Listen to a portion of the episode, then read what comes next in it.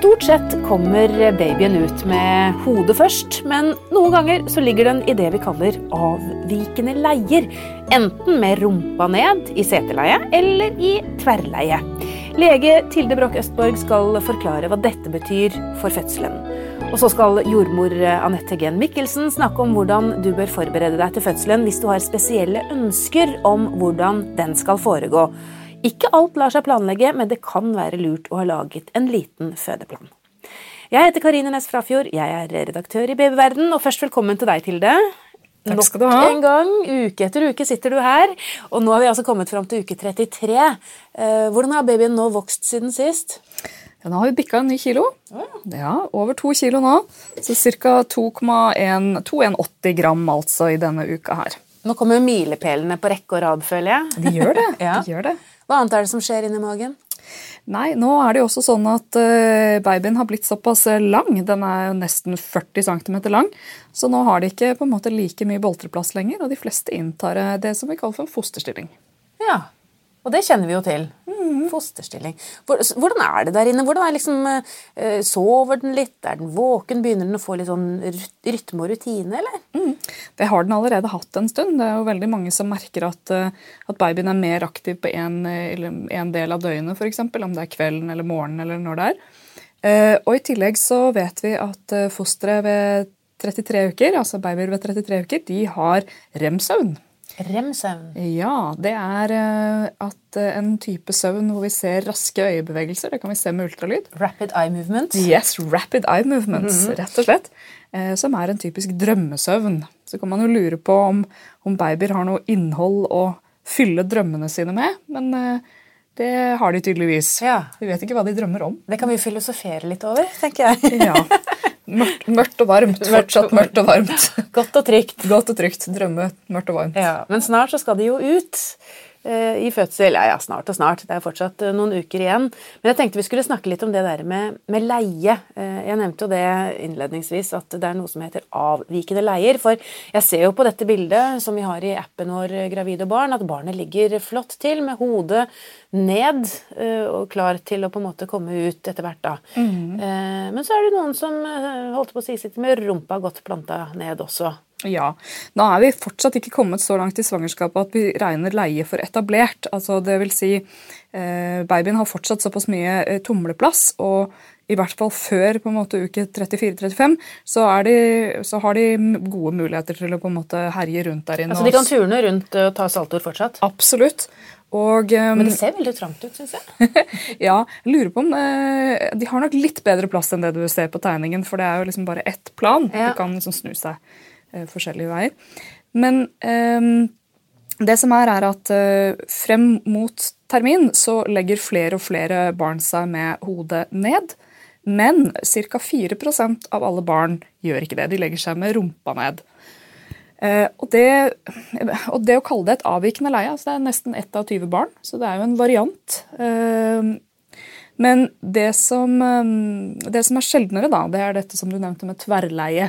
Og da snakker vi på en måte ned på halvprosenter og promille av eh, fostre eller babyer som legger seg i tverrleie eh, nær termin. Men du sa dette, du sa 4 ett av 20 barn. Ja, Så det er såpass mange? Det er ganske mange som ligger, eh, ligger i seteleie når du har passert uke 36-37, altså hvor man regner leie som etablert. Hva gjør man da med de, hvis vi skal ta seteleie før vi går over til tverrleie? Et, eh, et seteleie som er påvist i uke 36-37, da vil man tilby en vending de fleste steder. Det vil si at eh, man kommer inn på fødeavdelingen, så gjør man en grundig, først en grundig eh, fosterlydsregistrering og en ultralyd for å se hvordan babyen ligger. Og så gir man en medisin som gjør at livmoren slapper av. Og så manipulerer man utenpå magen for å få snudd babyen til et hodeleie. Manipulerer du? Hva betyr det? ja, ikke sant? Da dytter man på magen. Dytter på magen? dytter Ja. rumpa rundt? Ja, eh, man eh, prøver først å dytte rumpa ut av bekkenet der den har satt seg. Og så hjelper man eh, på en måte hodet ned. Akkurat. Men jeg holdt på å si, hvis man er gravid da i uke 33, 34, 35, ja, litt senere kanskje, eh, hvordan vet man at barnet sitter eh, i setet? Er det noe man kan kjenne selv, eller? Det er nok eh, Noen vil merke at de på en måte kjenner veldig mye tramping ned på blæra. Altså på egen blære. Men for mange så er det nok vanskelig å liksom kjenne akkurat hvordan babyen ligger hvis man ikke har mye erfaring med å, med å kjenne på magen og gjøre belly mapping og sånn. Og selv det er forbundet med mye usikkerhet. Så jordmor eller lege vil sjekke på kontrollene i svangerskapet hvilken vei babyen ligger, ved å kjenne på magen. Ja, Så det er stor sjanse for at man faktisk får vite at barnet sitter i seteleie? Det trenger ikke å komme som noen overraskelse på noen i fødsel? Det kan også komme som en overraskelse på noen i fødsel. Det er klart at Uoppdaget seteleie det fins. Men er jordmor eller lege i tvil om, om funnene, så eh, vil de henvise til en ultralyd for å sjekke leie. Ja, akkurat. Når man er da i uke ja, 35, 36, 37, for ja. å se på en måte hvordan det ligger an. Ja, Og så er det da det første man gjør, det er å snu. Er det, er det alltid suksessfullt? Virker det alltid? Eh, nei. Eh, vi regner at uh, sannsynligheten for å klare å vende et foster er 50-60% Så det er ganske gode tall. Mm. Og grunnen til at vi vender, er ikke fordi vi ikke tenker at barn kan fødes i seteleie, men fordi eh, det blir, mye, det blir, mindre på en måte overvåkning og mindre risiko for keisersnitt med et uh, hodeleie enn med et seteleie. Men man kan også føde barn i seteleie. Man kan absolutt føde barn i seteleie. Er det en stor forskjell å føde barn i seteleie framfor et barn som kommer med hodet først? Det som er uh, hovedforskjellen uh, for mor, vil jeg si, er at uh, overvåkningen og overvåkningen og personell i fødsel er mer på når en føder et barn i seteleie. Er det en risikofødsel, da? eller? man regner det som ja, Her må man ta litt sånn historikk og sånn, da at eh, grunnen til at seteleie ble mindre utbredt i mange mange land, var en studie som het The Term Breach Trial. Som var en, en stor studie på seteleie i mange land, og hvor man konkluderte med at det ikke var trygt å føde i seteleie. Når var dette, da? Åh, den tror jeg kom på 90-tallet. Jeg tør ikke å si akkurat uh, årstall. Men det er noen år siden? Det er noen år siden. Mm. Tingen er at i uh, de skandinaviske landene så uh, var det enkelte land som tenkte at dette var riktig i forhold til deres praksis. Men uh, i Norge så hadde man mange gode studier på setefødsler i Norge som viste at det var trygt. Så vi regnet ikke i utgangspunktet at disse på en måte, tallene fra både høyinntekts- og lavinntektsland var representative for Norge. Så vi har gode tall på at det er trygt å føde i seteleie. Akkurat. Så det er ikke noe farlig hvis man ikke klarer å vende barnet, og det ligger eller sitter i seteleie. Så er det ikke noe å deppe for av den grunn. Det er klart at eh, det blir nok en annen type fødsel enn mange har sett for seg. Hvis man på en måte har planlagt en, en hodefødsel med jordmor på en lavrisikoenhet eller hjemme, så blir det ikke sånn. Det blir en fødsel som, eh, som overvåkes fra start til slutt, og hvor det er eh, fødselslege med på fødselen og hvor risikoen for at det gjøres keisersnitt, er noe økt. Og Grunnen til det er to ting. Vi forventer god fremgang ved en setefødsel. Vi kan ikke på en måte dra ut babyen med en sugekopp eller noe sånt hvis det skulle bli noe med fosterlyden. Og vi vil at disse fødslene skal gå uh, som smurt, rett og slett. Akkurat, ja. Ok, Det var setefødsel, eller seteleie. Og så var du litt eh, inne på det tidligere. Tverrleie, hva er det for noe? Tverrleie det er at um, verken hodet eller rumpa, eh, er, altså setet, er eh, det vi kaller ledende del. Altså at det er en annen del av babyen som vender seg ned i fødselskanalen. Og det er, eh, det er sjelden. Særlig hos førstegangsfødende er det veldig sjelden. Men en annen del, hva kan det være, da? En skulder eller en arm eller en uh, ja. flanke. Akkurat, ja. akkurat. Så, så, da ligger babyen litt sånn ugunstig til, rett og slett? Ja, den kan ikke fødes på den måten, rett og slett. Nå, det, nå er det sånn at ideen får, selv om fosteret ligger i tverrleie, så vil mange fostre snu seg til det vi kaller et lengdeleie, altså enten at hodet eller rumpa ligger først idet en begynner å få rier. Men hvis vannet går, eh, når, eh, hvis vannet går og og babyen ligger i tverrleie, så kan den ikke fødes. Da blir det keisersnitt? Da, da blir det keisersnitt. Akkurat. Er dette noe man vet på forhånd? Det vet man ofte på forhånd, ja. Fordi jordmor ikke kjenner at det ligger noe, noen del, ordentlig planta del ned i bekkenet mm. i forkant av fødselen. Men du sa dette er veldig sjeldent? Dette er sjelden. Ja. Er det noen spesiell grunn til at uh, det blir sånn? De tingene som vi vet om, det er at hvis man har en en annerledes livmor på en eller annen måte.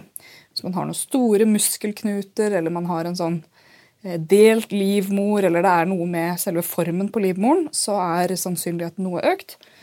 og hos kvinner som har født eh, flere barn, hvor det er veldig romslig inni livmoren, så er det ikke alle fostre som legger seg helt som de skal. Men som sagt, dette er sjelden. Dette, dette er ikke det man skal på en måte skrive på listen over uh, ting å bekymre seg for. Nei. Og uh, Det er godt å høre. Så, så, avvikende leier det skjer uh, ikke så veldig ofte. Mm. Men der hvor det skjer, så har, da, har vi da i Norge heldigvis gode rutiner for å, for å løse det. Skal, det. skal, vi konkludere med det? Ja. Og så tenker jeg at avvikende leier altså Vi har som sagt ett av 20 barn ligger i settleie. Det er en variant. Hodeleie er vanligst, og tverrleie er så sjelden at for folk flest så kan det være greit å nesten glemme at det fins. Godt å høre. Takk skal du ha, lege Tilde Broch Østborg. Etter pausen så skal vi snakke med jordmor Anette Hegen Mikkelsen om dette å lage en fødeplan.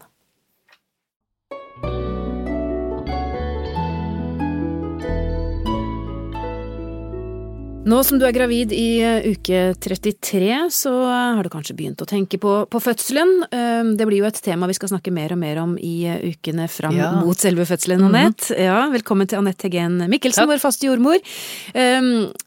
Vi snakket litt i forrige episode, da vi snakket om forskjellige steder å føde på, dette med at det kan være lurt å uh, forberede seg litt og gjøre litt research. Men ja. så er det noe som heter fødeplan. Mm. Uh, man blir jo oppfordret til å tenke litt igjennom hva man ønsker. Mm.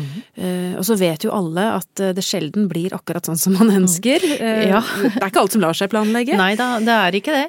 Og, og, fødeplan eller ønskebrev eller hva man nå enn kaller det, det er jo Kan jo ha to hensikter, tenker jeg. Det ene er at man eh, tar seg tid til, sammen med jordmor eller sammen med partner og jordmor, eh, setter seg ned og tenker etter hva ønsker jeg i fødselen min, eh, og nevner en del ting som man syns kan være fornuftig og eh, av informasjon som man gir videre til den som skal være hjelper i, i fødselsøyeblikket. Men hva kan det være, da? Nei, det, det, eh, er jo Hvis man begynner sånn veldig breit, så kan man jo tenke at man begynner å tenke hva er en god fødselsopplevelse for meg? Um, og da er det jo eh, forskjellige ting man eh, ønsker i fødsel, og det kan være mange ting man har med seg som man skriver ned, som er selvsagt at man eh, får med seg. Eller som, som jordmødrene allerede har tenkt på, på en måte. Og da er det for eksempel sånn at noen sier jeg vil prøve, eller de aller fleste vil jeg vel i grunnen si, jeg vil prøve å føde så naturlig som mulig. Jeg ønsker i utgangspunktet ikke å ha så mye smertelindring.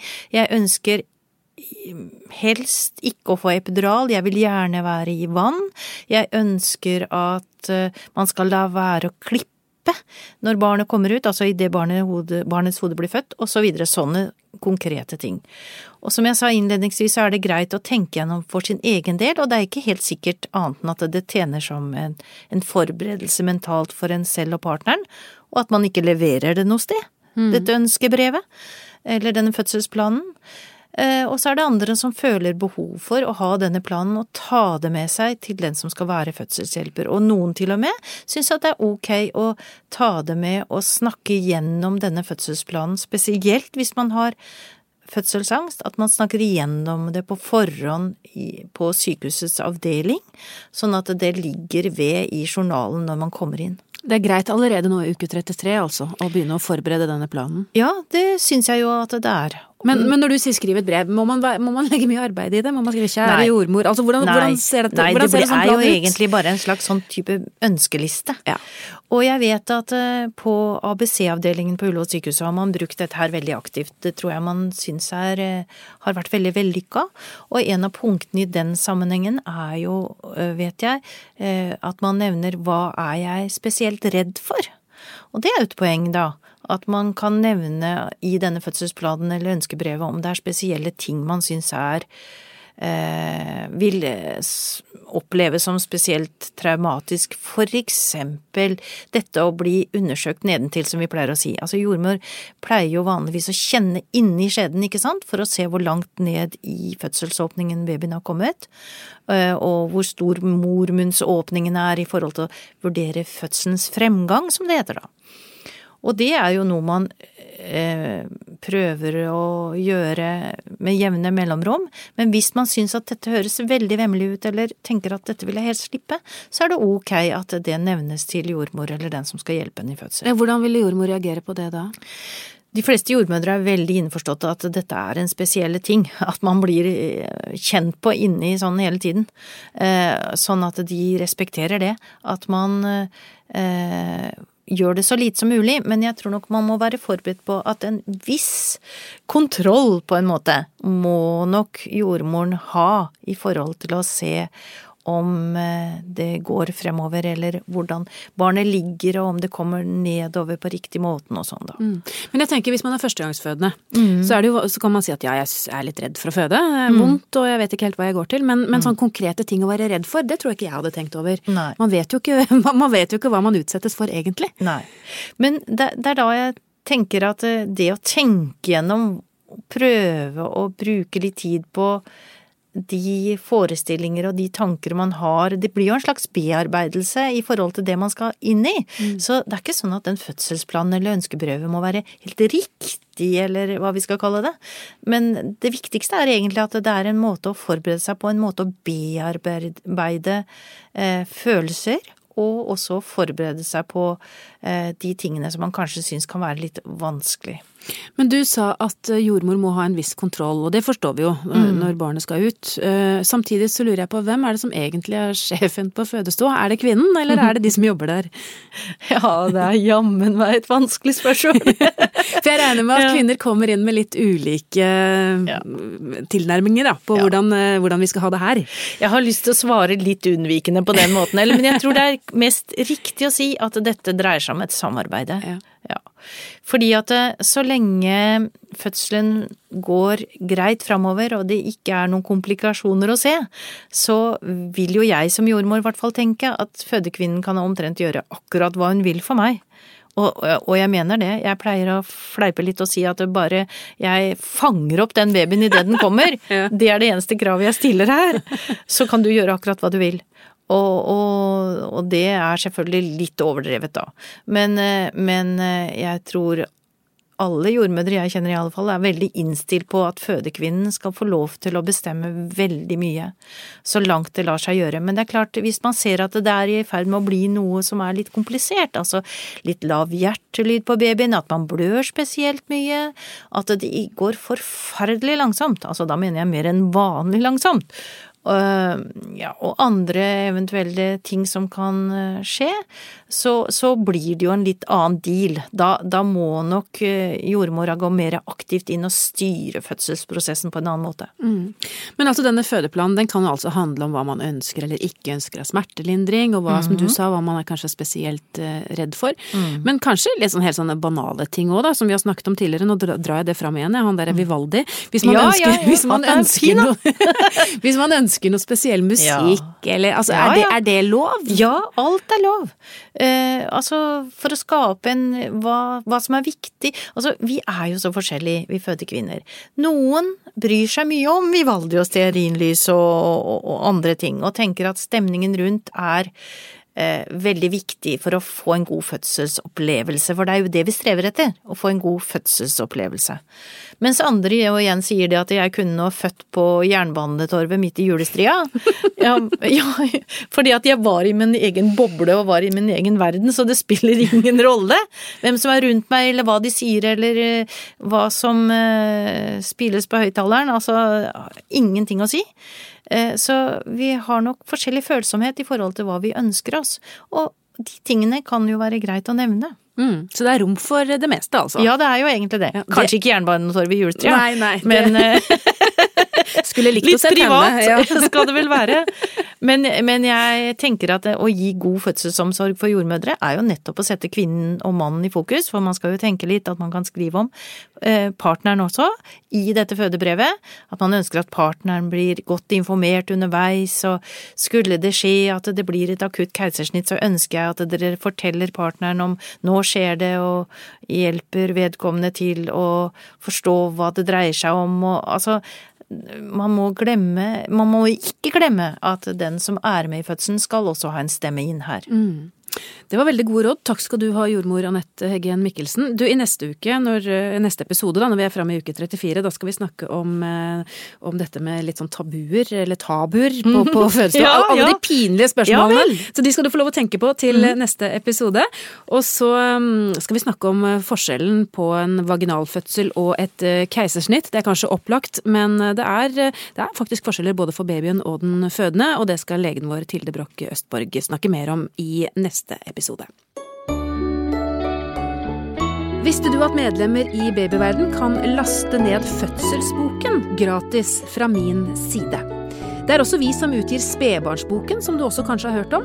Vi har gitt ut Spedbarnsboken gratis helt siden 1964, og den får du på de fleste sykehus etter at du er født. Men hvis du vil ha boken tilsendt i posten før fødsel, så kan du bestille den via babyverden.no eller appen vår Gravid og barn.